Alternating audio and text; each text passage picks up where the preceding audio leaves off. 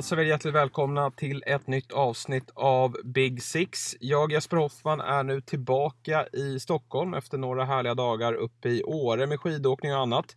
Och givetvis mycket Premier League-fotboll. Men jag fick inte riktigt till det som du nämnde här i avsnittet med Robin Fabbe med logistiken. Så att jag är väldigt tacksam att Robin eh, dök upp och ni spelade in ett riktigt bra avsnitt som jag njöt av i eh, bilen igår på väg hem från Åre. Eh, det där gjorde ni bra. Ja, nej men vi, eh, vi sa ju det att vi deporterade dig från Åre till Trysil efter din, eh, din Håland och eh, Ödegård-tweet där. Så det är ändå skönt att ha dig tillbaka på, på, på svensk mark här. Så, så fick vi ihop det. Nej, det var, det var, det var kul och det, omgångarna duggar ju tätt i marken som det så vackert heter. Och det känns helt surrealistiskt att sen vi drog igång att det redan är, det är tre Premier League-omgångar va? Fast det är typ på en vecka som det har spelats. Så det är typ full fart kan man lugnt säga i England. Ja. Och det spelas mycket fotboll eh, borta i Storbritannien som sagt. Men ändå då så befinner du dig i, i Rom eh, när vi spelar in det här. Du får väl, även om det är helt fel liga, får du väl berätta lite kort om eh, fotbollsupplevelsen. För ni var ju på Olympico här i förrgår. Ja, nej, men det var min första match på italiensk mark. Och eh, det var, det var en upplevelse i sig. Det var, det var jävligt mäktigt alltså när man ser inramningen och när man ser kulturen innan matcher. Jag, jag har alltid varit och eh, romantiserat dem. Jag älskar brittiska pubkulturen när man samlas, man dricker öl, man sjunger. Men man märker verkligen att det är helt annorlunda. Här är det mer att man står ute, man dricker öl, det, det kastas spanger, det sjungs ramser. Inte lika organiserat som det kanske är i England på pubarna men det är ju verkligen något helt annat och det var, det var häftigt att se det också. Även, även in, inramningen in, inför matchen var, det var fullsatt, vilket eh, det inte är tok ofta ska sägas. Så det var, det var ju återstarten i Italien efter, efter VM. Så det var mäktigt, introt var mäktigt och sen är det häftigt att se liksom när, ja, men när det är organiserade kurvor som inte existerar i England av olika anledningar. Men sen kände man så här, har man valt, valde man fel? Italien har ändå vädret, de har maten, de har kulturen innan. Men sen började fotbollsmatchen Jesper. Och det är fan mig det värsta jag sett i hela mitt liv. Alltså allsvenskan är mer underhållande. Ja, enligt plan då en usel fotbollsmatch. Eh, jag eh, ser ju inte Serie A särskilt ofta. Eh, även om jag, jag försöker att titta till toppmatcherna. Men det var väl ingen match som kittlade på förhand. Och även om det var lite svensk intresse där med, med Tahirovic, den nya, det nya stjärnskottet i Roma, centralt på mittfältet så lämnade du ingen ljus rapport direkt. Nej, verkligen inte. Man, man ska väl inte slå på stora trumman men det var, det var väldigt undermålig match och sa det till, till Formel som jag var på matchen med att eh, de hade kunnat spela den här matchen i 800 minuter när Roma får den där tidiga straffen. Det hade blivit 1-0. Det, det, det, fanns liksom ingenting annat. Man, eh, det, var, nej, det var inte underhållande. Men det som var kul, man fick se lite gamla Premier League-bekantingar. Eh, Chris Smalling, matchens lirare enligt kassetten. När man Matic kom in och även Tim Abraham. Eh, så det var kul att se mina gamla United-gubbar live. Man tror nästan att de har dött där borta. Ja, men jag har förstått att de, de gör det bra och Småling blev väl utsedd till Man of the Match eh, rapporterade du efteråt. Ja, det var, det var första och sista gången vi pratar Serie A-fotboll i den här podden. Nu tar vi oss till eh, världens bästa liga och eh, vi brukar ju gå igenom matcherna i, i kronologisk ordning. Men jag tänker ändå att vi tar det mest aktuella först. Igår eh, torsdag så spelades ju en, jag ska inte säga en toppmatch för, för det ena laget tillhör verkligen inte toppen och de gör det inte efter matchen heller i form av Chelsea. Men det är ju ändå ett storlagsmöte och det fanns eh, mycket på förhand som var intressant då i Chelsea-Manchester City. Och eh, när man såg startelvorna då så kunde man ju konstatera i, i Chelseas fall att det är ett eh, eländigt skadeläge. Ja, det kan man lugnt säga. Det, det, det, är så lätt att prata om allt annat än själva fotbollen med Chelsea nu. Jag skulle kunna ranta och säga att jag tycker att Eh, väldigt problematiskt och väldigt ocharmigt och det rör, upp, det rör faktiskt upp ganska mycket känslor i mig vad Chelsea håller på med som klubb just nu i ägarstruktur med värvningar, med rykten och så vidare. Men det går ju faktiskt inte om vi, om vi, om vi tar prestationerna så Graham Potter kan ju verkligen skylla på något sätt på den här skadelistan för det är ju snudd på en startelva som man har borta. Eh, så det är absolut en viss förklaring även om vi pratar om de här linjerna man vill se i spelet och tydliga mönstren som man vill se tidigt av en ny tränare och här ser vi ju verkligen inga linjer från Graham Potter i Chelsea oavsett skadeläge eller inte. Nej men alltså kommentatorerna sa ju det under matchen. Vilken, vilken mardröm för, för Potter. Eh, får ju eh, Mason Mount då skadad eh, dagen innan match på, på sista träningen. Sen då, det första som sker egentligen det är att Raheem Sterling drar baksidan och sen lite senare då att Christian Pulisic blir eh, skadad eh, och det, det har man ju sett förut. Han är ju gjord av glas och vrickar väl till knät här i någon situation som, eh, nej det ska inte vara straff, men det, det är en straffsituation i alla fall. De, de kikade säkert på den eh, uppe i, i varummet. Men eh, jag skulle nog snarare vända på det att det här kanske är det som räddar Potter lite grann. Att det, det är väldigt svårt att eh, bygga ett lag, eh, eh, ja, dels på kort sikt men också på lång sikt då, när man har alla de här skadorna. För, för vi har ju även eh, Fofana, vi har Chilwell, vi har Reece James, vi har Kanté, vi har Broja, vi har Mondi visserligen i, i kassen och där har ju Kepa gjort det bra och sen Loftus Cheek då på den där skadelistan. Och så adderar vi ytterligare två namn igår och det har ju pratats en del om, om nyförvärv. De är ju inte, ja vi vet ju att eh, nya eh, Fofana från Molde är ju där men, men han är väl inte tänkt att han ska eh, vara med och, och, färga på en gång. Jag, jag läste något uttalande från Potter där att de, de ska bestämma sig här i januari vilken som är den bästa vägen för honom framåt och det kan ju mycket väl vara som så att det är en utlåning. Sen har man väl även på plats då eh, Benoit ba Badiachil ursäkta uttalet, du, du ursäktade det här i, i avsnittet senast, jag gör det också. Men, men ehm, en, en fransk försvarare då, som man har tagit in från, från, eh, från Monaco, där, där känns det väl om man ser till prislapp och, och eh, hans CV i, i ehm, i närtid att, att det är någon kille som kan vara med och utmana per omgående. Men det känns ju som att Chelsea med tanke på skadelistad och också där man befinner sig rent sportsligt och att Potter måste få bygga ett nytt lag här att, att det kommer hända eh, fortsatt en hel del på, på um. Det går inte att komma ifrån det här att vad gör de? Alltså de har värvat backar för två miljarder och sen så är det tydligen inte bra nog. Nu ska man värva den här för 450 miljoner kronor. Det, vi, vi vet alla som följer engelsk fotboll, Enzo Fernandes historien. Det är alltså en spelare som har spelat, vad läste jag, 80 seniormatcher. Man visste typ inte vem det var när han lämnade Argentina och gick till Benfica för ett halvår sedan. Alltså för 20 miljoner euro för ett halvår sedan. Och nu verkar det som att Chelsea kanske kommer betala utköpsklausulen på 120 miljoner euro. Alltså det är något som verkligen inte, det, det känslan är, de har sett honom i en Champions League-match och och gjort det bra i VM där han inte platsade från början men kom in och gjorde det bra. Och nu, nej, men då ska vi värva en miljard för en spelare som har spelat i Europa en halv säsong. Och sen nu körde, körde Guardian ut. Ja, men nu, nu ska man ta Mudryk framför Arsenal för att man kan betala mer. Ska de ta Enzo? Ska de ta den här franska backen? Ska de ta Mudryk efter att ha splashat 3 miljarder i somras? Alltså vad håller Chelsea på med? Ja, bra fråga. Det, det känns inte särskilt eh, pottersk då, om man får eh, kalla det för det. det. det. har ju varit, eh, genom alla klubbar han har varit i, väldigt genomtänkta värvningar eh, skapta för den fotbollen han vill spela. Nu känns det, ja vi vet ju inte, det, det kanske är eh, väldigt genomtänkt men det är som du säger, det, det är väldigt stora summor och eh, det är spelare som, som verkligen inte har eh, hunnit göra särskilt stort avtryck i, i världsfotbollen. Och sen kan man ju bara kolla på de värvningarna man, man tog in i somras och då, då tänker jag främst på den här ytterbacken som springer runt och, och bara är sämre för varje match som går egentligen. Kuchereya, eh, otroligt, otroligt svag igår, igen. Och man, man, man såg ju tydligt från, från Citys håll att man hade Pep hade ju lokaliserat det här inför matchen, att det, det, är just högerkanten som vi ska attackera. För att om vi, vi går till, till eh, motståndarnas elva då, Manchester City som, som kom från eh, en ehm, ett rejält fiasko hemma på Etihad. 1-1 mot Everton. Revanschsugna såklart och medvetna om att Arsenal hade tappat poäng tidigare i veckan.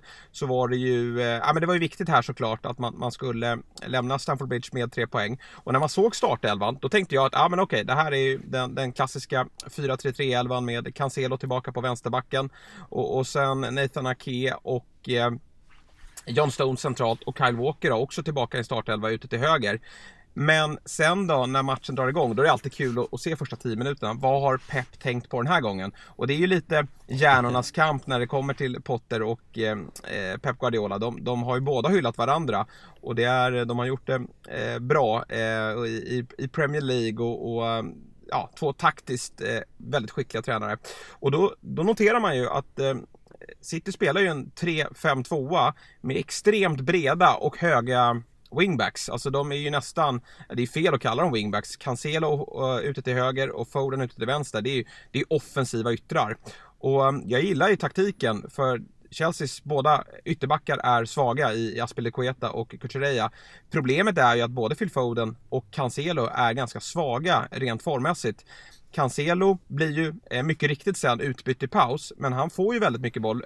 Problem, problemet för, eller problemet, det är ju säkert Citys taktik i det här, det är att man nästan bara attackerar på högerflanken. Just för att där har man ju eh, Kevin De Bruyne. Eh, han trivs ju att husera ute i, i, i de ytorna, centralt till höger. Och sen Cancelo då, väldigt uppskjuten. Cancelo får väldigt mycket boll.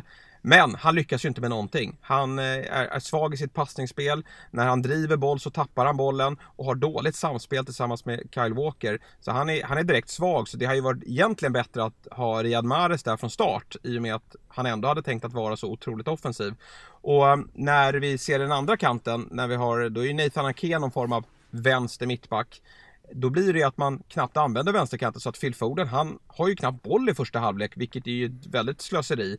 Så att jag någonstans gillade jag ju uppställningen och tanken men det var för formsvaga spelare som lirade på eh, respektive position. Såg du vad Guardiola sa efter matchen gällande sitt byte i paus med, eh, med Cancelo.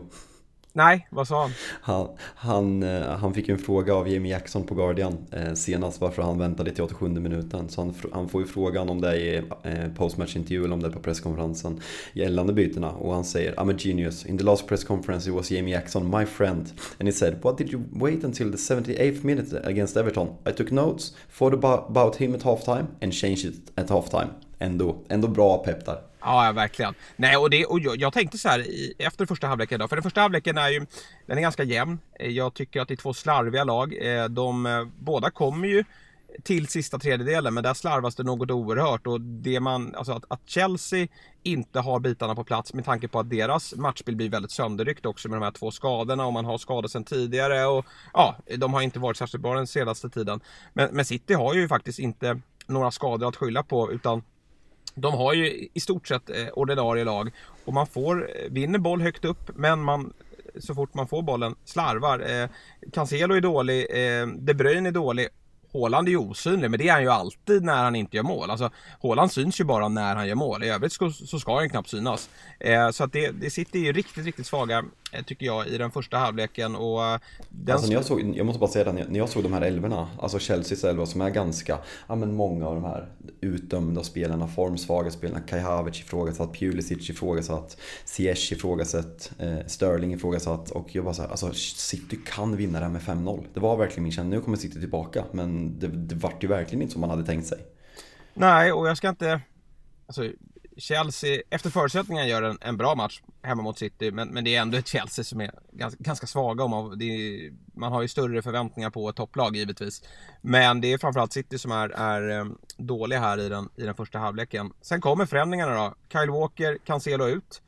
Och eh, in kommer då Akanji som ju, eh, ska inte säga överraskande, blir blir petad. Han, han roterar ju där bland mittbackarna och det var väl hans tur att vila.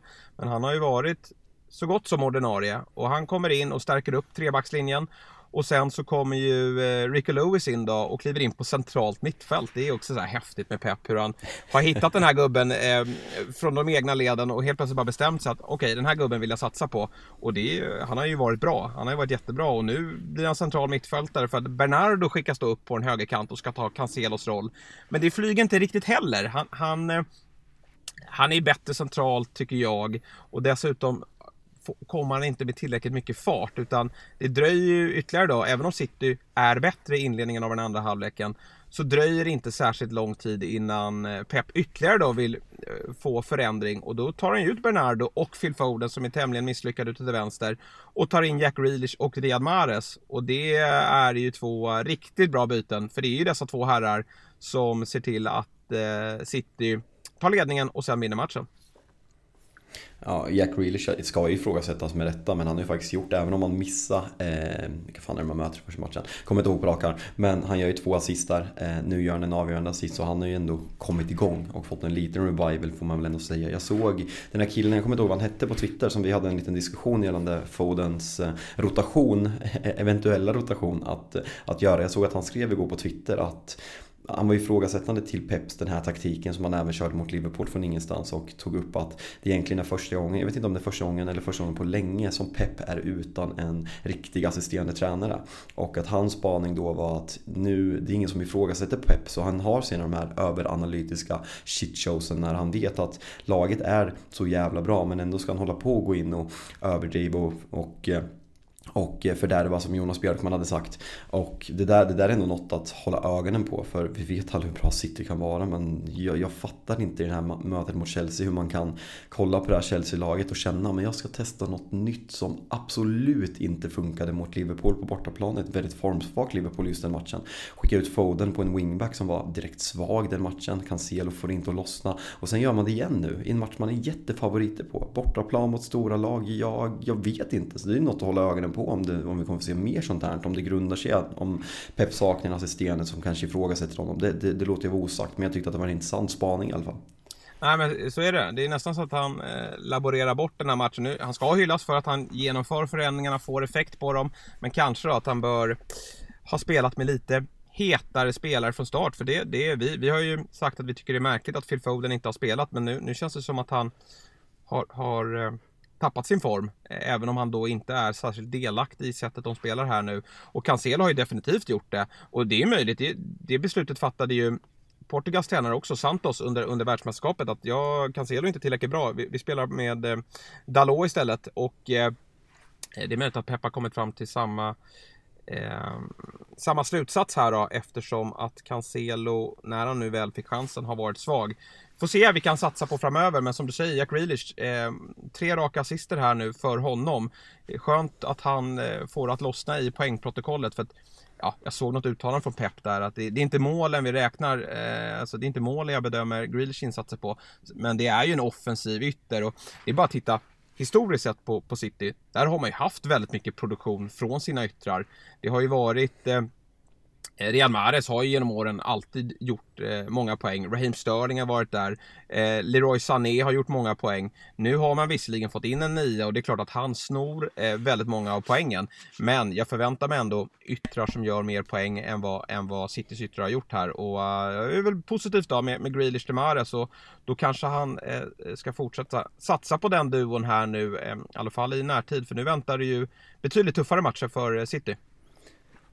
Ja, nej, men det, det, är ju verkligen att man känner verkligen att ligan börjar, nu börjar det på riktigt. Nu börjar det hetta till och man, det känns typ inte, jag vet inte om det är VM-uppehållet som gör det, men det känns som att det kommer mycket matcher. United ett derby mot City, sen möter man Arsenal. City, vilka är, eh, har väl, ja men har, har derbyt nästa också. Så det börjar verkligen hetta till och eh, fem poängs ledning för Arsenal. Så eh, det börjar bli viktiga matcher och det, det är ju nästan, alltså jag ska, inte, jag ska inte hoppa upp och sätta mig där men skulle United ha två segrar nu mot City och Arsenal då, då är man på något sjukt sätt med i ett titelrace. Eh, jag vill verkligen inte gå och säga det men med formen och med, med försvarsspelet som Erik Tenaga satt så börjar bli jävligt intressanta matcher och det är redan viktiga matcher Newcastle visar. Vi kommer ju såklart komma in på den matchen men de visar ju att man, man är på riktigt. Man är att räkna med. Man kan inte räkna bort dem från Champions League och tro att Liverpool och United ska knalla in där hur lätt som helst för Newcastle är på riktigt. Ja, men det, alltså, jag bara sitter och njuter när jag slår upp Premier League-tabellen på morgnarna. Det är, eh, det är en sån häftig säsong i um, olika, eh, olika delar av tabellen och det kommer bli en sån otroligt häftig vår. Det, eh, nej, det känns väldigt kul att, eh, att vi får den här säsongen, eh, i synnerhet nu när Big Six kör så hårt med vårt poddande. Om man ska ta Chelsea då och deras insats så tror jag ändå att man ändå känner en viss stolthet i att man, man står upp ganska bra. Man, City är ju bättre i den andra halvleken men efter 1-0 målet tycker jag att Chelsea ändå kommer in i det. Och man gör det ju framförallt med många spelare som ja, men den, den breda Premier League-massan inte har särskilt bra koll på. När, när Pulisic eh, kliver ut, då kommer ju eh, Chukwu Mecca. Det är inte ett, all, det är inte ett allt för lätt namn att uttala. Eh, Kearney Chukwumeka. Eh, som, eh, ja jag vet att Premier League, eh, eller Chelsea-publiken har god koll på honom. En, en talang från de egna leden. Men det är klart att vi, vi övriga som inte följer vad som händer på Cobham varje dag det, det, han har ju fått lite chanser såklart, men, men eh, jag tycker att han gör en riktigt bra insats. Har ju ett skott i stolpen där i första halvlek och han, han har ett härligt driv med bollen och är kreativ. Eh, det där är en spelare som, som kan bli väldigt bra. Sen om det blir Chelsea eller om det blir något klass, en klassisk utlåning, det, det återstår väl att se. Eh, vi ser även att eh, eh Omar Hutchinson kommer in istället för den misslyckade Pierre-Emerick eh, Aubameyang. Lewis Hall kommer in och även Conor Gallagher. Så det är ju det är deras egna gubbar här som, som hoppar in och faktiskt står upp ganska bra mot Manchester City. Och hade bara Lewis Hall haft lite bättre koll på sin vänsterfot där i, i slutskedet av matchen när ja, men Chelsea kommer ju typ i någon omställning där de är fem mot tre trots att City leder och, och um, jag tror att det är om det är Hutchinson eller om det är Chukwomeka som släpper den här till Lewis Hall. Det är, mm, eh, jag minns inte riktigt, men, men Hall har ett jättebra läge. Men tyvärr får han för mycket fot under bollen då, vilket gör att den där bollen seglade till månen. Men ett riktigt, eh, eh, liksom, häftigt att se alla de här unga spelarna få chansen att stå upp bra. Men samtidigt, Chelsea någonstans, att, att vara någon liksom Eh, ja, någon, någon eh, bara vara en plantskola eh, där man, där man känner sig stolta över att man har gjort en, en bra insats mot ett annat topplag. Där vill ju inte Chelsea vara som klubb utan det, det vi, vi konstaterar att det är en, ett mittenlag just nu. Ja men det är dit man har kommit. Man sitter och berömmer Chelsea för att man står upp bra mot City på hemmaplan och absolut, man har, man har skador man kan skylla på men jag känner att vi, eh, det börjar bli dags att bjuda in en eh, Chelsea-supporter för oss för jag vill verkligen veta för hur man jag har sett lite på Twitter, vi har varit inne på Fjäll som, och eh, din, din kompis som jobbade på AIK som kände mindre för Chelsea eh, truppmässigt än man kanske någonsin har gjort. Men hur man känner som supporter för det här. För jag känner, tänk om alla klubbar skulle hålla på så här och bara splasha cash precis överallt när det känns icke genomtänkt och man ska ta varenda spelare och man ska värva dem svindyrt och värva för 4 miljarder per, per kalenderår. Jag jag hade inte gillat om min klubb höll på som Chelsea gör nu och man, man blir på något sätt utskrattad av andra supportrar. Så det, jag känner att det börjar bli dags att få in en Chelsea-röst för att liksom, ta tempen vad man känner som Chelsea-supporter. För det känns verkligen som, som, som din kompis skrev på det där. Det känns bara, allt känns bara snark och personlighetslöst och identitetslöst och inga karaktärer och man värvar utan tanke. Så det ska bli intressant att se hur Chelsea tar vidare från det här. För man kan ju inte fortsätta så här och värva värva för så mycket pengar. Och det går, det går ju ganska lätt att argumentera att alla de här värvningarna man gjorde i somras, hur, hur många är lyckade? Mm. Fofana har ju inte fått Nej, chansen det är ju katastrof. Skador, hur, hur, hur många är lyckade? Kuchereya, alltså överkryssad geting. Sterling, underkänd.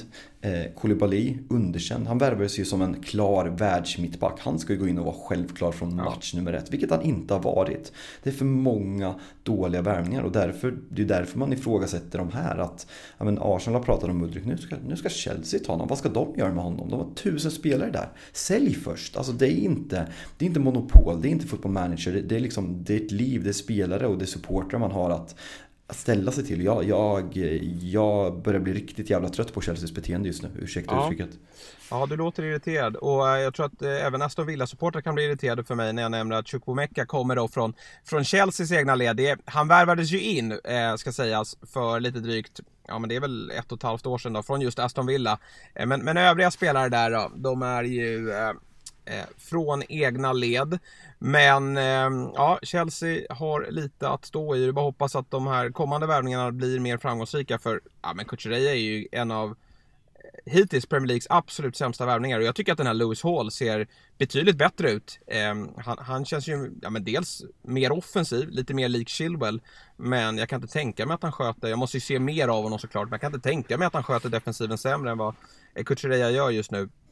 Eh, så att det, det är lite att eh, fundera kring. En spelare som man tycker att Chelsea borde ha plockat in och jag vet att man var intresserade. Men det är ju Nathan Ake. Som, eh, ja men han har ju lite så här återuppstått från de döda här. Eh, jag hade, ja men det var en sån här man, man, tycker det är roligt när topplagen lägger mycket pengar Eh, och på, på, spelare som man dels ifrågasätter då. Alltså han hade gjort, eh, ja men han är ju Chelsea-fostrad och sen hade han en, en fin säsong i Bournemouth. Men det är Bournemouth. Att, att kliva in i, i Peps passningsorienterade lag som mittback, det, det är ganska så tufft. Och eh, Nathan Ake, de gånger han har fått chansen har han ju varit under de här, det är väl tredje säsongen han är inne på va? Eh, mm, det är det va? Det borde vara det. Ja, jag tror det. Jag tror det. Och jag, jag, jag tycker liksom så här, varje gång han har fått chansen så har man undrat hur han liksom ska eh, kunna klara dels det höga försvarsspelet men också eh, den, den, eh, liksom de uppspelen som man förväntar sig från Chelseas mittbackar. Men den här säsongen så är det något helt annat. Jag tycker typ att han, ja men tillsammans med Akanji är Citys bästa mittback eh, den här hösten och nu eh, ja, starten på, på 2023 då. Han går från klarhet till klarhet och är ju inte bara, sköter inte bara sin defensiv bra utan är ju väldigt bra och farlig i, i offensivt straffområde. Ja, nej, men det trodde man ju verkligen inte när Chelsea, om det var förra sommaren va? När man, eller nej, det var i somras när man försökte lägga, det var ju så pratat om 45 miljoner pund. Alltså man tänkte att det var ett skämt. Så det är ändå på något sätt fint att han går från att vara utskrattad till att göra det väldigt bra i Holland i VM. Petar de Ligt inte helt samma position absolut, men det blir ju ändå Timber, han och, och Eh, ja, skitsamma. Eh, Petar ju Mattias Delic som en värld, världsspelare enligt många som spelar i Bayern München. Så han har ju verkligen tagit steg och det är häftigt för på pappret är ju Stones, Laporte och, eh, och Diaz Citys överlägset bästa och största mittbackar. Alltså både prestigemässigt, värvningsmässigt och vad de har presterat tidigare. Men nu som sagt, någon av Aki och Akanji startar ju varje match. Nu var Diaz och Laporte skadade den här matchen men Diaz är ju inte ordinarie. Det känns helt sjukt för jag hade en diskussion med en kompis här, världens bästa mittbackar. Och jag bara, men senaste senaste åren, för mig är det van Dijk och Ruben Diaz. Och många pratar ju om vad som händer med van Dijk. Om att han ser lite loj ut, Liverpool släpper till mer chanser. Är det på grund av att han har en annan mittback?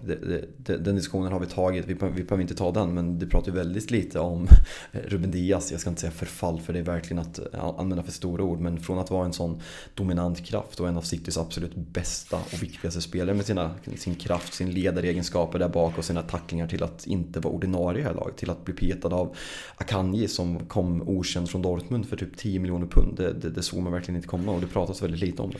Ja, nej, där mittbackarna, där har han det gott ställt, pepp. Men det finns andra bitar att få ordning på.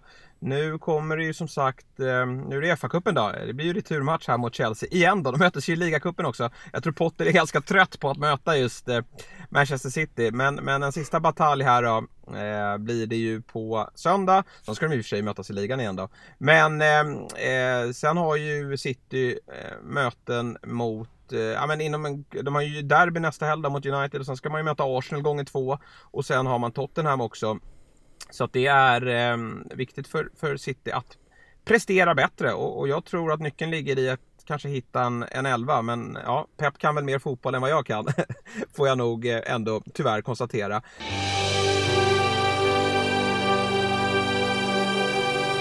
Big Six görs i samarbete med ATG.se. Ingen Premier League-fotboll i helgen, men jag har hittat en riktigt trevlig FA-cupskupong som man kan hålla hårt i handen under både lördagen och söndagen. Vi pratar en trippel och eh, min analys är ju att några utav lagen till helgen Premier League-lagen de eh, bör lämna FA-cupen för att kunna säkra spel i eh, Premier League nästa år. Därför då, eh, så kommer jag att spela Crystal Palace vinna hemma mot Southampton. Southampton är i iskall form och eh, som sagt fokus att överleva Premier League och då har man inte råd att spela fa fotboll Liverpool kommer att slå Wolves, kanske att Gakpo går in från start där och det finns inte så mycket att rotera kring där heller utan jag förväntar mig en ganska bra elva. Eh, kanske är det dags för Nunez att hamna i målprotokollet igen då. Så Liverpool vinner hemma mot Wolves. Och sen tror jag att eh, Vincent Company åker upp och vinner borta mot Bournemouth. Eh, Burnley går ju riktigt starkt i eh, Championship har ju nästan, ja, eh, inte riktigt säkrat kontraktet i Premier League nästa år, men, men man, man, ser väldigt bra ut. Samtidigt då som Bournemouth är i en svag form och eh, vill nog inte heller spela FA-cupen till hösten, utan jag, eh, eller Eh, till våren, utan jag tror snarare att man roterar laget här. Den här trippen får man i skrivande stund då 7,63 gånger pengarna borta hos ATG.se. Så ta rygg där och glöm inte att ni måste vara 18 år fyllda för att få spela och upplever ni problem med ett spelande så finns stödlinjen.se till hands.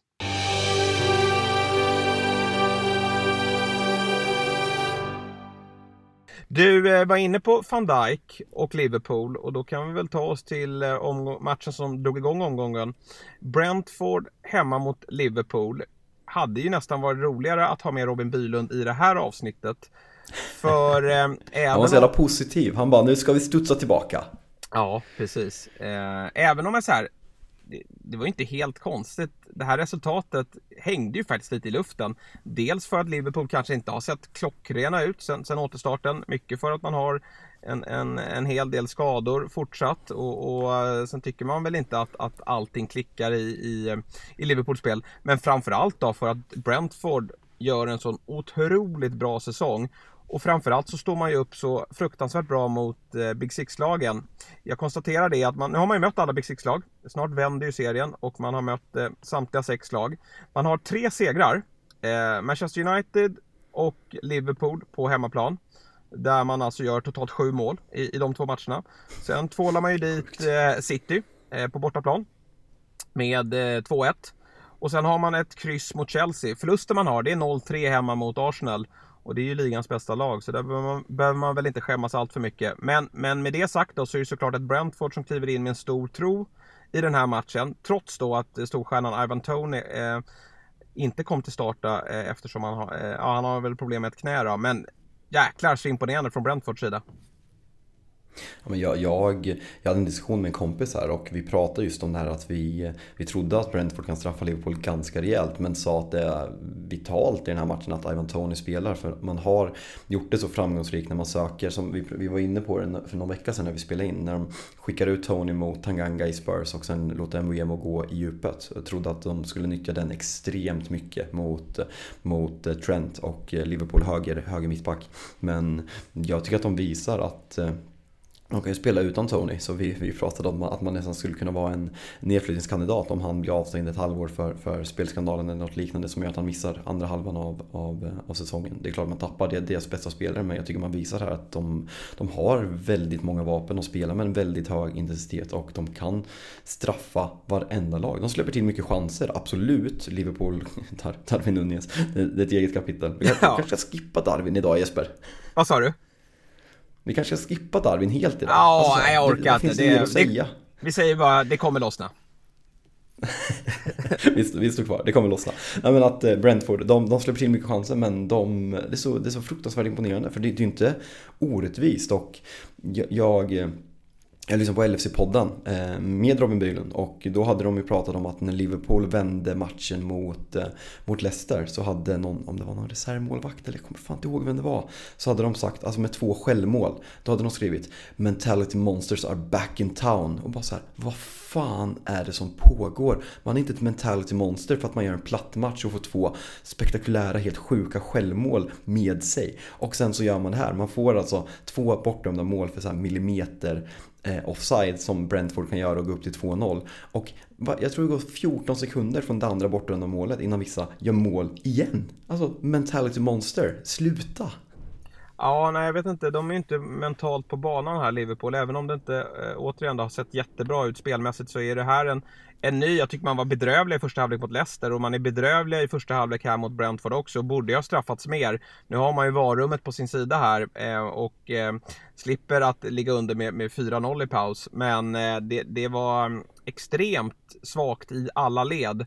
Och eh, vi eh, har väl liksom skrikit om nyförvärv till Liverpool. Eh, både på, på kort och lång sikt. Nu är Diaz och Jota, de är, alltså Diaz är jätteviktig för defensiven. Det får man faktiskt inte glömma eh, med tanke på hur hårt han jobbar. Och sen eh, förhoppningsvis kan han även att bättra på sin, sin offensiv, eh, offensiva statistik. Men jag tycker att Liverpool inte riktigt sitter ihop som lag nu. Pressspelet är inte riktigt där och man är ihåliga bakåt. Eh, tidigare säsongen när Liverpool har, har varit som bäst. Ja, men man har kunnat eh, rinna igenom bakom Robertson och Trent på, på varsin kant. Men då har ju van Dijk löst det på något sätt. Nu, nu gör han ju inte det. Han kliver ju av i paus här då, som du säger då, med, med, en, med en uh, ljumskada. Men det Jag finns... tror att det är framsida lår faktiskt. Ja, det var det framsida lår. Okej. Okay. Det är inte lika ja, vanligt. Exakt. Eh, Okej, okay, det är framsida lår där. Då får läkare Hoffman eh, eh, det, revidera sin prognos då. Nej men det är inte alls bra för, för Liverpool att de eh, fortsätter att få skador. För att även om van Dijk inte är sig lik så är han ju såklart viktig för det här eh, för den här defensiven. Och det lät ju på Klopp i samband med värvningen av Gakpo som väl ska vara spelklar här nu till helgen va? I eh, fa Cup-mötet mot Wolves.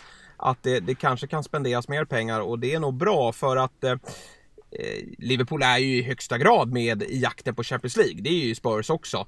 Det, det, den, kommer leva, den kampen kommer leva länge och, och, det är ju det stora målet här nu. Samtidigt som man också då har möjligheter, eh, möjligheter i Champions League även om lottningen mot Real Madrid är tuff. Men det är klart att Liverpool borde väl kunna eh, spendera ytterligare pengar och, och få in en, en eh, central mittfältare tänker jag först och främst det är ju där man, det är där man behöver. Jag lyssnade faktiskt på The Athletics podd där de hade en Liverpool-kille eh, med som gäst i halva podden. Och han pratade om att han är fortfarande hoppfull att de kommer ta topp 4. Men att man, man behöver en central mittfältare. Jag tror inte man tar topp 4 om man inte värmer en central mittfältare. För det där mittfältet är ihåligt. Och när van Dijk, som du säger, inte räddar upp som tidigare. Då behöver man, jag vet inte. Sen, det är svårt. Man, man på något sätt, Enzo Fernandes, Bellingham är i görningen. Någon av dem vill man väl gå för i sommar. Det är väl Sen om man lyckas, det är en annan femma. Men det är så svårt den här mellannivåklassen. För Liverpool kommer inte kunna värva för en, en miljard nu. Då, vem ska man hitta som gör laget bättre direkt? Det är, en,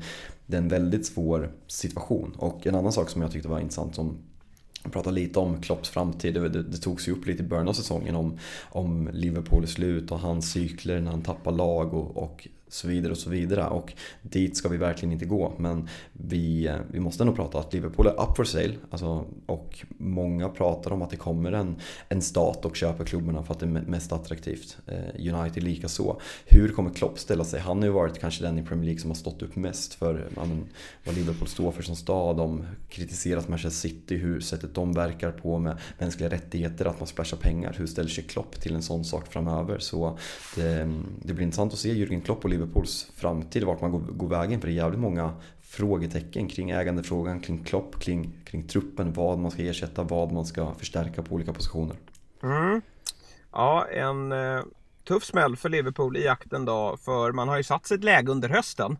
Att det är liksom, man har inte råd med, man måste göra en riktigt stark vår för att kunna vara ett, ett topp 4-lag. Och när vi ser Newcastle fortsätta stå upp eh, så pass bra, ett United som är rejält på frammarsch och eh, Spurs då som ju har ju varit svaga men nu, nu, nu tar man ju en, en, en, stark trea här mot Crystal Palace men det är väl klart att de också någonstans vill vara med och eh, slåss om de här eh, fyra översta platserna. Jag, jag, tror väl någonstans att Liverpool kommer att eh, fixa det här om man, om man slipper dra på sig nya skador men det, det är långt ifrån en garanti. Och nu väntar det ju tuffare matcher här, alltså Brighton på bortaplan här eh, om eh, lite drygt ja, en vecka är det väl. Nu är det FA-cupen till helgen. Det är ju ingen lätt match. Jag, jag försöker så här. Om vi, om vi ska ta ut Premier Leagues största succélag det här året. Jag tycker det står mellan fem lag. Så stort urval har vi. Ja, men det, eh, du, du, du får välja ut idag. Eh, jag säger Arsenal, Newcastle, Fulham, Brighton eller Brentford. Alltså, och, och, och det, det sjuka är, alltså de ska verkligen inte vara med i snacket men United är ju också ett jävla succélag. Ja. Alltså ja. sett över förväntningar, sett över, sett över Ragniks förra säsong och att man har 11, vad fan blir det, 11-2-2 senaste, senaste 15 matcherna. Eh, men alltså... Det, jag, jag, jag tycker väl att vi, vi kan ta bort... Jag, alltså, säger, jag säger Fulham. Ja, ja men jag, jag säger nog kanske Fulham eller Arsenal då. Att Arsenal ändå leder ligan med, med fem poäng, det, det är ruskigt bra. Men Fulham på sjunde plats som nykomling och, och liksom, sättet man spelar fotboll på, eh, det, det, det är häftigt att se. Brighton kom ju faktiskt väldigt högt upp redan i fjol. Man kom väl nia, nu är man på åttonde plats. Men det är väl eh, liksom rokaden från eh, Potter till eh, eh De Serbi och, och även spelarna. Alltså, det sker ju förändringar i den här startelvan hela tiden. kommer upp nya ansikten som man aldrig har sett och som fortsätter att eh, spela en, en, en vass Premier League-fotboll. Så, men Brightford och Brent, eh, Brighton, Brightford, Brighton och Brentford, de, de eh, kanske inte riktigt ska vara med i, i eh, eh slutstriden då. Men eh, ja, Fulham eh, kanske är det, den, den, stora, den största sensationen. Och sen Arsenal, Newcastle strax bakom då. Du, eh, vi lämnar den matchen och tar väl oss till Arsenal då som hade ju ett superläge här att eh, eh, ja, bättra på sin ledning gentemot eh, jagande lag i främst, eh, främst då Manchester City. Men Eddie Howe visar ju upp eh, en fotboll som kanske inte var särskilt sexig men som är häftig på så sätt att den, den eh, ger poäng. För det var en ruskigt destruktiv fotbollsmatch från, från Newcastles sida. Ja, det var, det var ju tydligt här att man, man, man går in för att spela 0-0 och man, man lyckas. Och eh, som Arsenal-supporter, jag fattar att det är eh, ett surpoängtapp när man, speciellt, när man, verkligen när man har chansen att ha kvar de där sju poängen. Som det kändes nästan surrealistiskt för man har varit jävligt stark på hemmaplan. Man, man har varit i stort sett helt ostoppbara eh, på, på Emirates i år. Så jag, jag trodde att man skulle vinna den här matchen. Men samtidigt om man, om man pratar om de här klyschiga, bra poängtappen kändes det inte som att det var ett bra poängtapp för Arsenal. För Mikael Arteta visar här exakt vad laget saknar. Vi, vi sa ju att Eden Kettia Eh, gjorde både 1 och 2-0 på Big Six, men frågan är om vi inte har reducerat här. Ja, För kanske. Här in, in, ja, lilla, lilla 2-1 målet till, till Big Six ändå. Eh, så vi, vi, vi kommer, akta dig, akta dig. Eh, men känslan är här eh, att, det, det, är verkligen inte Eden Kettias fel, men känslan är här att man ser en sån här match behöver du en Mudryk typ. Saka har gjort det jävligt bra, Martinelli har gjort det jävligt bra, Ödegård har gjort det jävligt bra. Men där bak, Arteta gör inga byten. Eh, han visar att, eh, men, Vieira som vi har men, berömt när han har fått chansen i Europa League. Han visar ju att han litar inte på honom på den här scenen just nu. Och man kan inte ha ett lag där man förlitar sig på, på tre spelare eh, och slåss om titeln med, med Manchester City långsiktigt. Det, det, det, kan inte gå. Att Arsenal gör det är så jävla imponerande. Men rent långsiktigt ska det inte gå. Man kommer behöva värva in spelare där för att få den där bredden. För att när Saka har en dålig match eller när det låser sig för Martinelli att man ska kunna sätta in en bra spelare där. Eller rent krasst starta Mudryk, vila Saka, slänga in honom istället i 16 minuten. Och då kan man vinna en sån här match. För det är ju, det är ju Alltså Newcastle gör det jättebra också. Det, det är häftigt att Eddie Howe, som hyllas mycket för att han gör spelare bättre, att han spelar offensiv fotboll, att han är modern, han var modern i Bournemouth, han har en spelidé. Men det är ju försvaret Newcastle har sagt, satt. Och det, det, det ska han ha cred för. Ja men verkligen, det är imponerande. Arsenal kommer ju faktiskt ingen vart här. Sen är det några straffsituationer. Jag tycker väl kanske att Gabriel kanske ska ha en straff där i första. Sen är det en handsituation ja, handsregeln kan ju ingen så det, man kan, kanske är bäst i att inte uttala sig. Men eh, i övrigt så är det inte jättemycket lägen från, från Arsenals sida att, att, skriva om här. Och som du säger, alltså, det har väl varit vår take hela tiden. Ja men absolut, ge Eddie chansen här nu. Han har ändå visat att han, att han kan göra mål i Premier League. Men det behövs komma in offensiva förstärkningar och det verkar ju som att Arsenal jobbar på.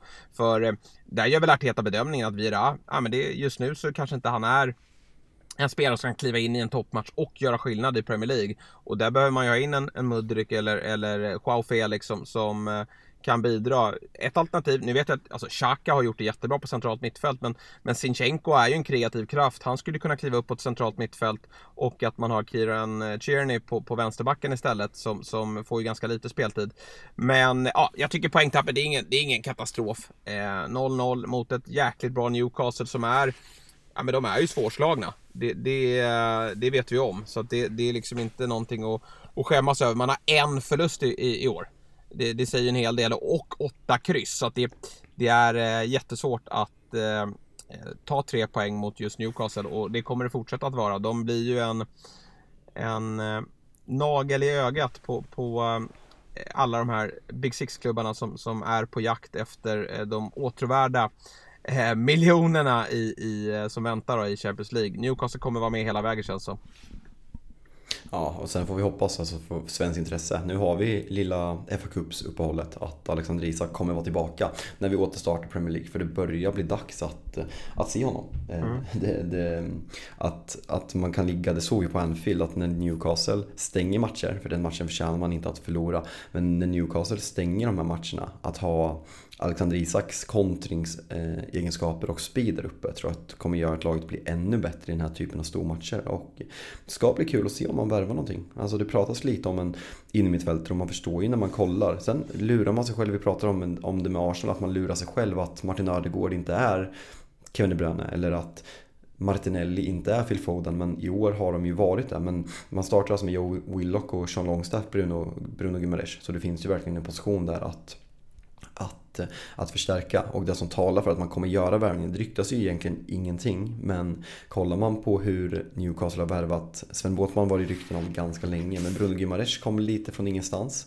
Ehm, och det är ju inte de här, även om han är en brasiliansk landslagsman, men det är ju inte det är inte, en världs, det är inte ett världsnamn. Samma med Sven Botman som var, som var omtalad men det är inte de här splasha cashen, miljardvärvningarna på stora namn snarare än genomtänkt. Och alla de här Alexander Isak, det läckte inte ut i media, det sa bara pang så var han klar. Det talar ju på något sätt från att Newcastle vet hur man gör sina affärer på ett smidigt sätt. Kontra, kontra nu åker vi tillbaka till Chelsea, jag är fan besatt av Chelsea.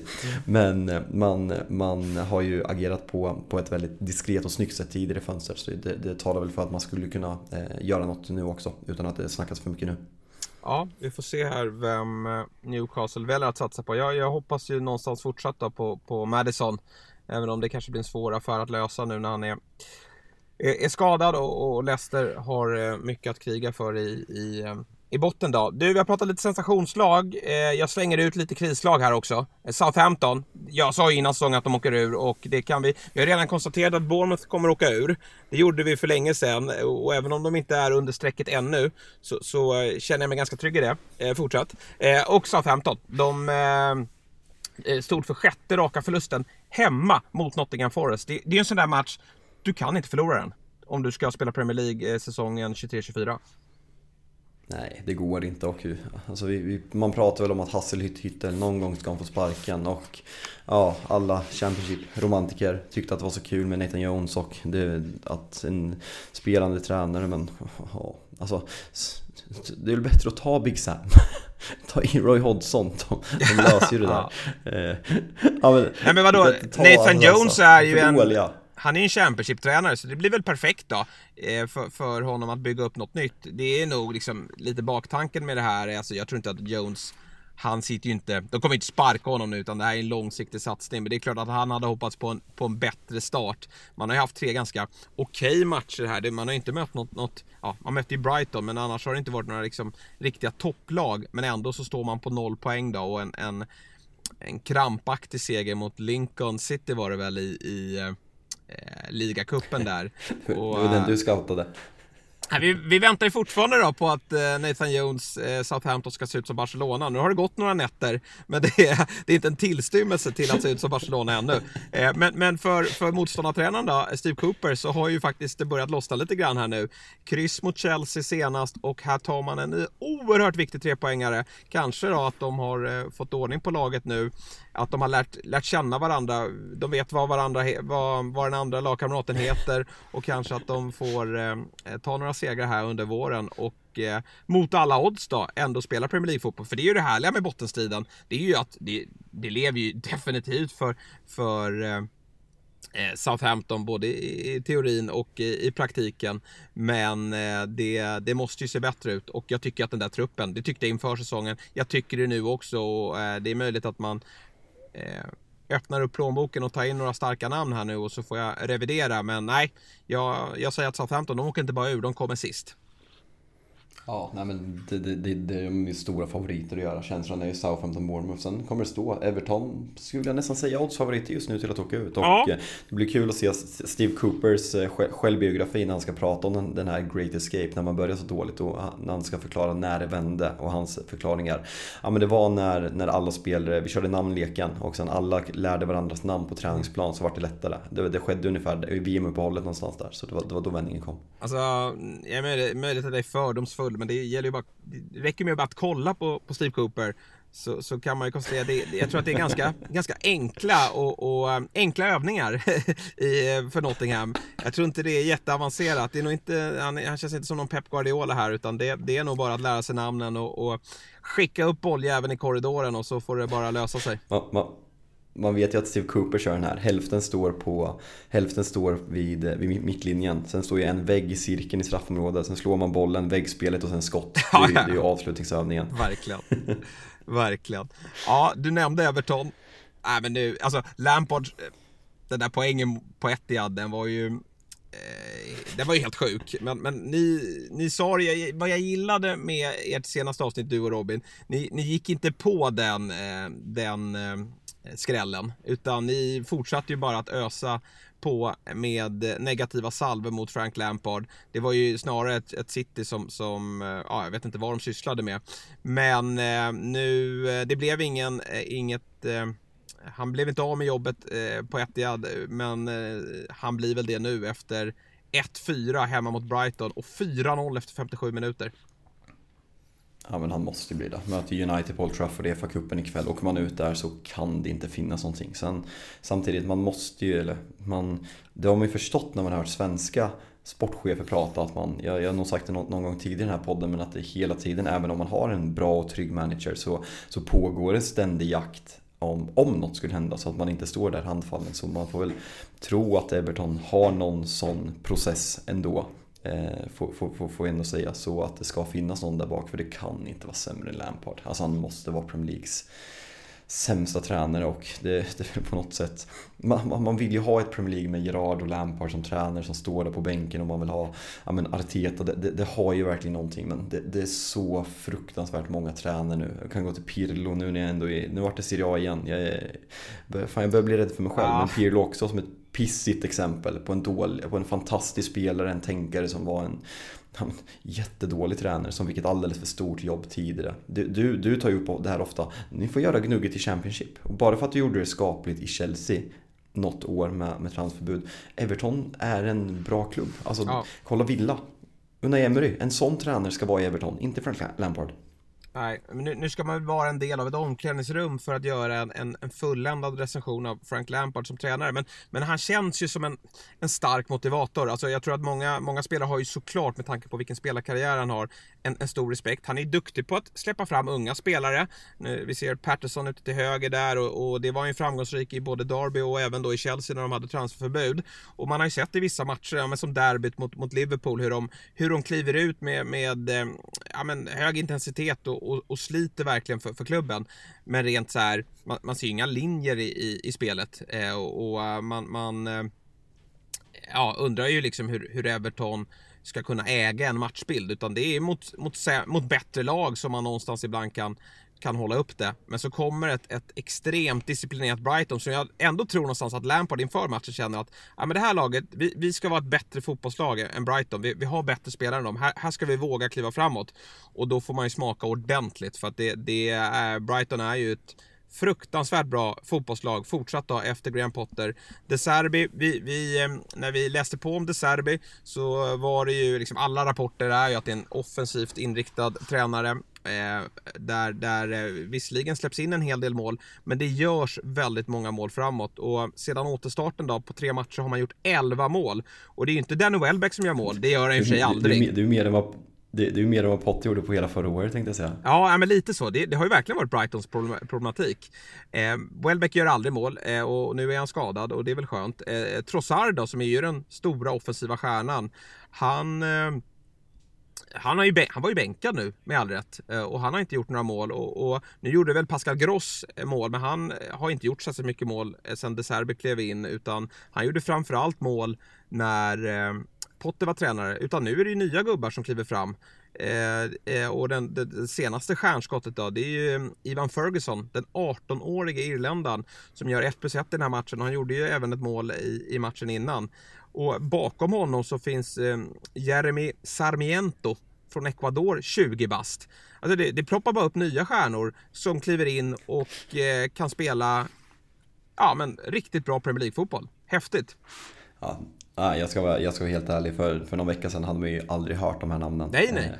när, man gick in, när man gick in och kollade på den här matchen, det är helt sjukt. För alltså Everton faller igenom totalt. Det är alltså mål 51, 54 och 57. Och så här, ja, men det är inga stjärnor, det är liksom March, Gross, Ferguson. Jag bara, för fan Ferguson? Mitoma, Gustens gubbe som, som börjar, börjar bli en liten succé ändå. Man, man ser ändå att det, att det finns en fin spelare där som kan, och det, det är här som är häftigt att det Brighton har byggt upp under Graham Potter känns verkligen som att det fortsätter och det kommer fram ännu okändare spelare som, som gör det jävligt bra. Eh, så det, det blir kul att följa Brighton om de kan ta nästa steg. Sen, nästa steg, vad är nästa steg för Brighton? Man ligger väl typ, man maximerar väl egentligen ja. vad man kan göra som klubb just nu. Nej men det vore väl häftigt om de skulle kunna nå Europaspel. Det är ju ibland, man tycker det är lite tråkigt när lag som så här, ja men storklubbar, nu blir det väl kanske då Ja, men det skulle kunna bli Liverpool eller Tottenham som går till Europa League eller Conference League och det vore ju, det är ju katastrof för den typen av klubbar. Men när, när, lag som Brighton tar sig dit så är det ju bara häftigt och det, det skulle ju de ta med, med största eh, respekt och allvar. Så eh, det är väl nästa steg då, att, att Brighton faktiskt tar sig till ett eh, Europaspel. Och det är inte otänkbart att de gör det, för jag, jag ser inte att det här ska Eh, att den här formen, det är klart att de kommer åka på några snytingar. Eh, det, det, det är inte så att de kommer vinna varje match. Men det är inte alls otänkbart att man fortsätter vara ett lag för den övre halvan.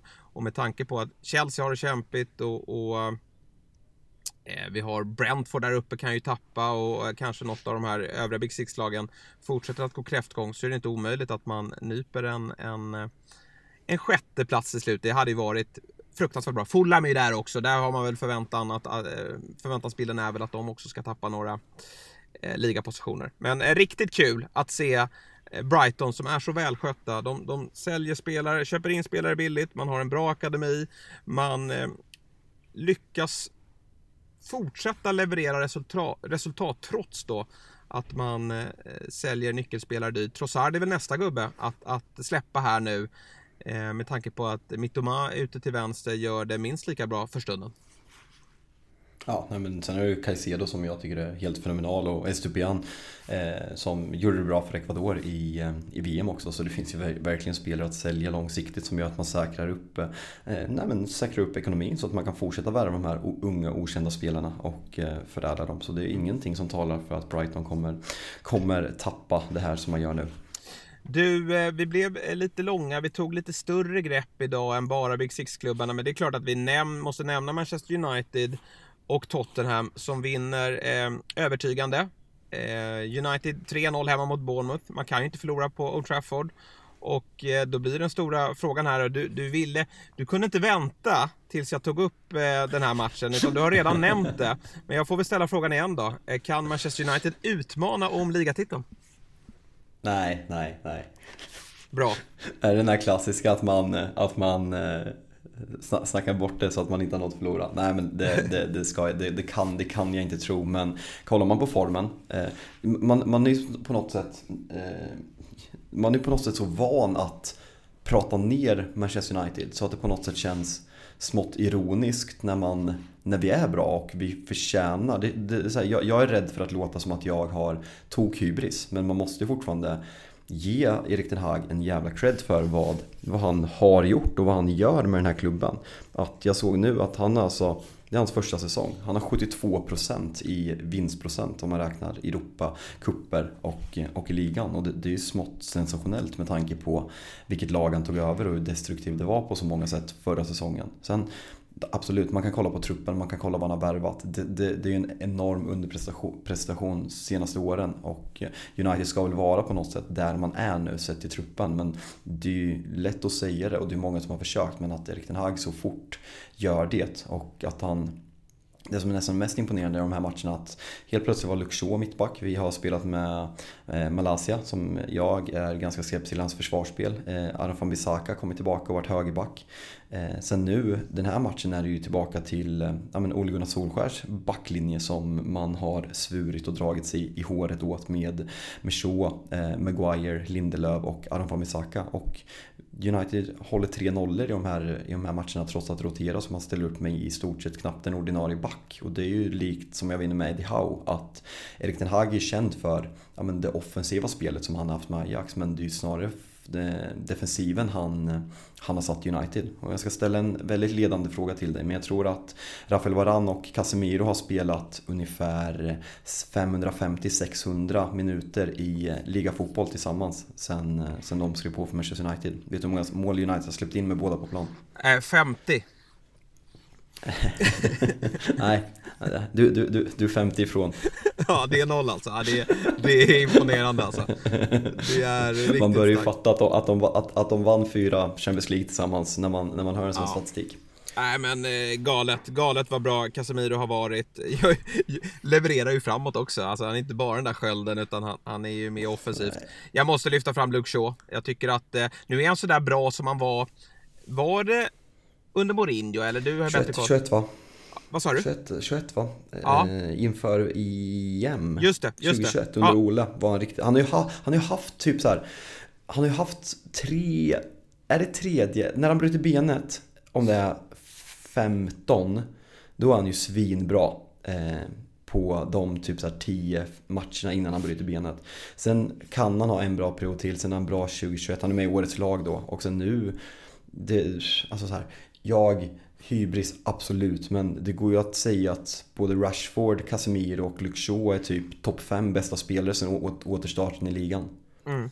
Ja, nej men Luke Shaw är, eh, det, det, han är ju lite av en humörspelare och, och, han är väldigt beroende av sin fysik. För ibland, eh, ja man, man, ska kanske inte vikthetsa, men, men det har ju varit som så, vilket Mourinho påtalade när han jobbade med honom, att han, han, han slarvar ibland med fysiken och, och, och ser inte fitt och redo ut för Premier League-fotboll. Eh, och sen gjorde han den här otroliga säsongen då. Eh, ja, det var ju betydligt färskare än vad jag trodde då. Men det, jag, jag minns ju såklart att han var riktigt bra där inför EM och gjorde ett bra mästerskap. Sen, sen föll han tillbaka på nytt. Eh, och, eh, men nu är han sådär självklar igen, kan både spela mittback och vänsterback och är ju eh, superviktig för United. Men det, det är ju bara ett tecken på att United mår väldigt bra som klubb. Och eh, ja, vi, vi, kommer ju få svar på den här frågan jag ställde dig. Du, du, svarade nej, men det gör du ju för att du inte vill ha någon form av hybrisstämpel. Du, du börjar ju tro på det. Precis som ni pratade om Arsenal-supporterna så vågar ni inte nämna det. Men jag vet ju att du någonstans sitter och kikar på tabellen och börjar räkna. Och nu möter ni ju här eh, Både City, ja, och det, den är på hemmaplan. Eh, där är ni fruktansvärt starka. City ser inte jättebra ut för dagen. Och sen har ni Arsenal. Ja, men 4 till 6 poäng där. Och, och jag kommer ställa samma fråga och jag kommer till och med få ett annat svar. Ja, kanske. Ja, ja, ja, jag är fortsatt ödmjuk som jag, som jag alltid är. Skulle aldrig, skulle aldrig sticka ut hakan. Nej, verkligen inte. Vi, vi, vi, vi, måste faktiskt, vi har varit hårda mot, vi har varit hårda mot Spurs. Eh, du, du ja. har haft eh, Spurs diskussioner på Twitter. Men vi måste, vi måste hylla dem. Ja. Eh, för det här, det här gör man jävligt bra. Det är väl säsongens match i alla fall i andra halvlek va? Ja, och det är ju som vanligt då, andra halvlek för, för Spurs del. Men, men första halvlek så är man ju bättre än vad man har varit tidigare.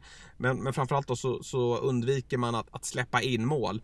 Och sen i andra halvlek så är det ju ingen snack om saken. Och eh, skönt för Spurs att få fart på flera offensiva spelare. Det är klart att det är Harry Kane som, som eh, är stjärnan och, och det är han som Ja men vilken jävla spelare alltså. Han, han gör mål på alla sätt. Eh, det är eh, det här är inte självklart efter det där mästerskapet. Jag, jag trodde att han skulle gå ner sig mer. Nu, nu hade han ju en svag match mot, mot Aston Villa här senast. Men han gjorde det bra mot Brentford i återstarten.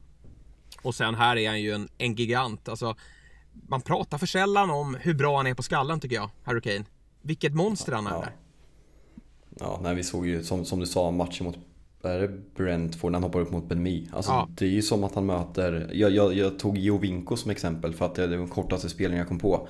Det, det är helt sjukt och man börjar tröttna på Håland. Alltså Kane, alltså så här, man, Kane är ju Premier League-spelare och han, han börjar ju närma sig Alan Shearer nu. Det är ja. helt, han kommer ju slå det om han inte åker på en allvarlig skada. Och man pratar ju om att det var helt oslagbart det där rekordet. Men Harry Kane som var en får ändå säga late bloomer. Var, han slog väl igenom typ när han var 23, 24? Eh, eller är jag helt ute och cyklar där?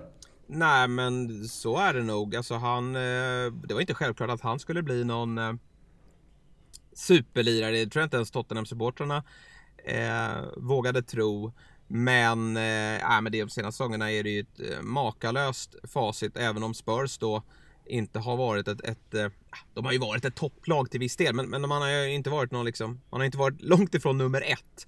Och eh, vissa säsonger, eh, ja man har ju kämpat med, med, olika typer av tränare och det har inte varit ett, eh, en självklar offensiv från Spars sida utan det är ju Harry Kane som oftast eh, får stå för den och det är otroligt imponerande. Nu får han ju dock en ny lekkamrat här. Han har ju fått en del kritik och man har ju ifrågasatt den där värvningen. Han har väl varit där lite drygt ett och ett halvt år och det är väl första prestationen som han kan vara stolt över och det är ju Brian Schill.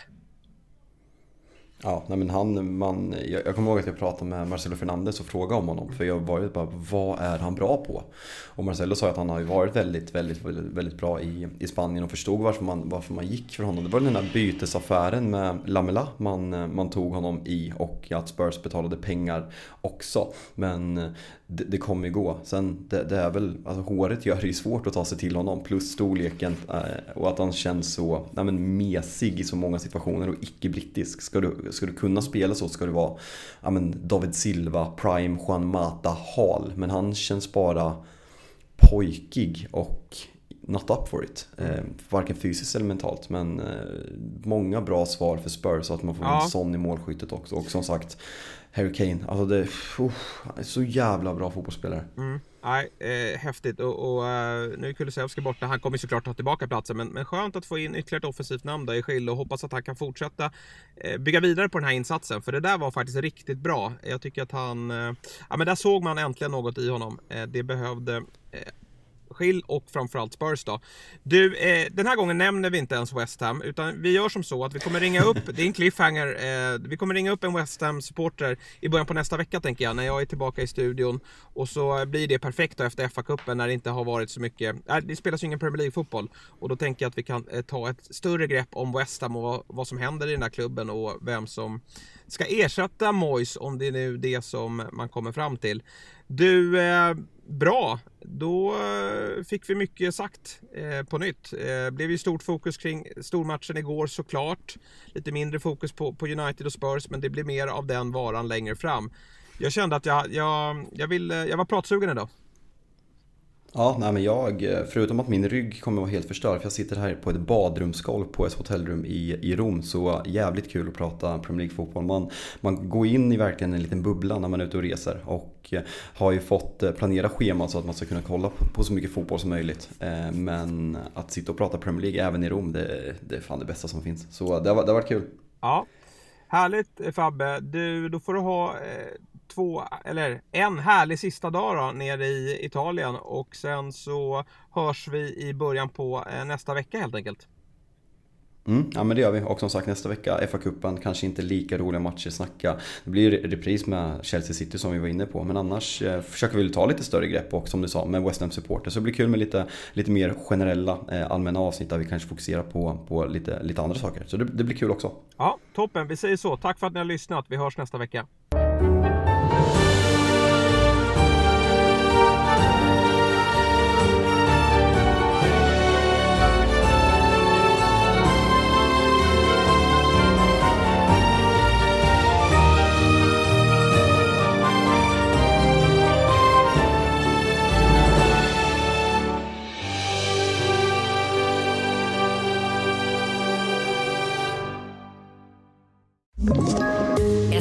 Poddtips från Podplay.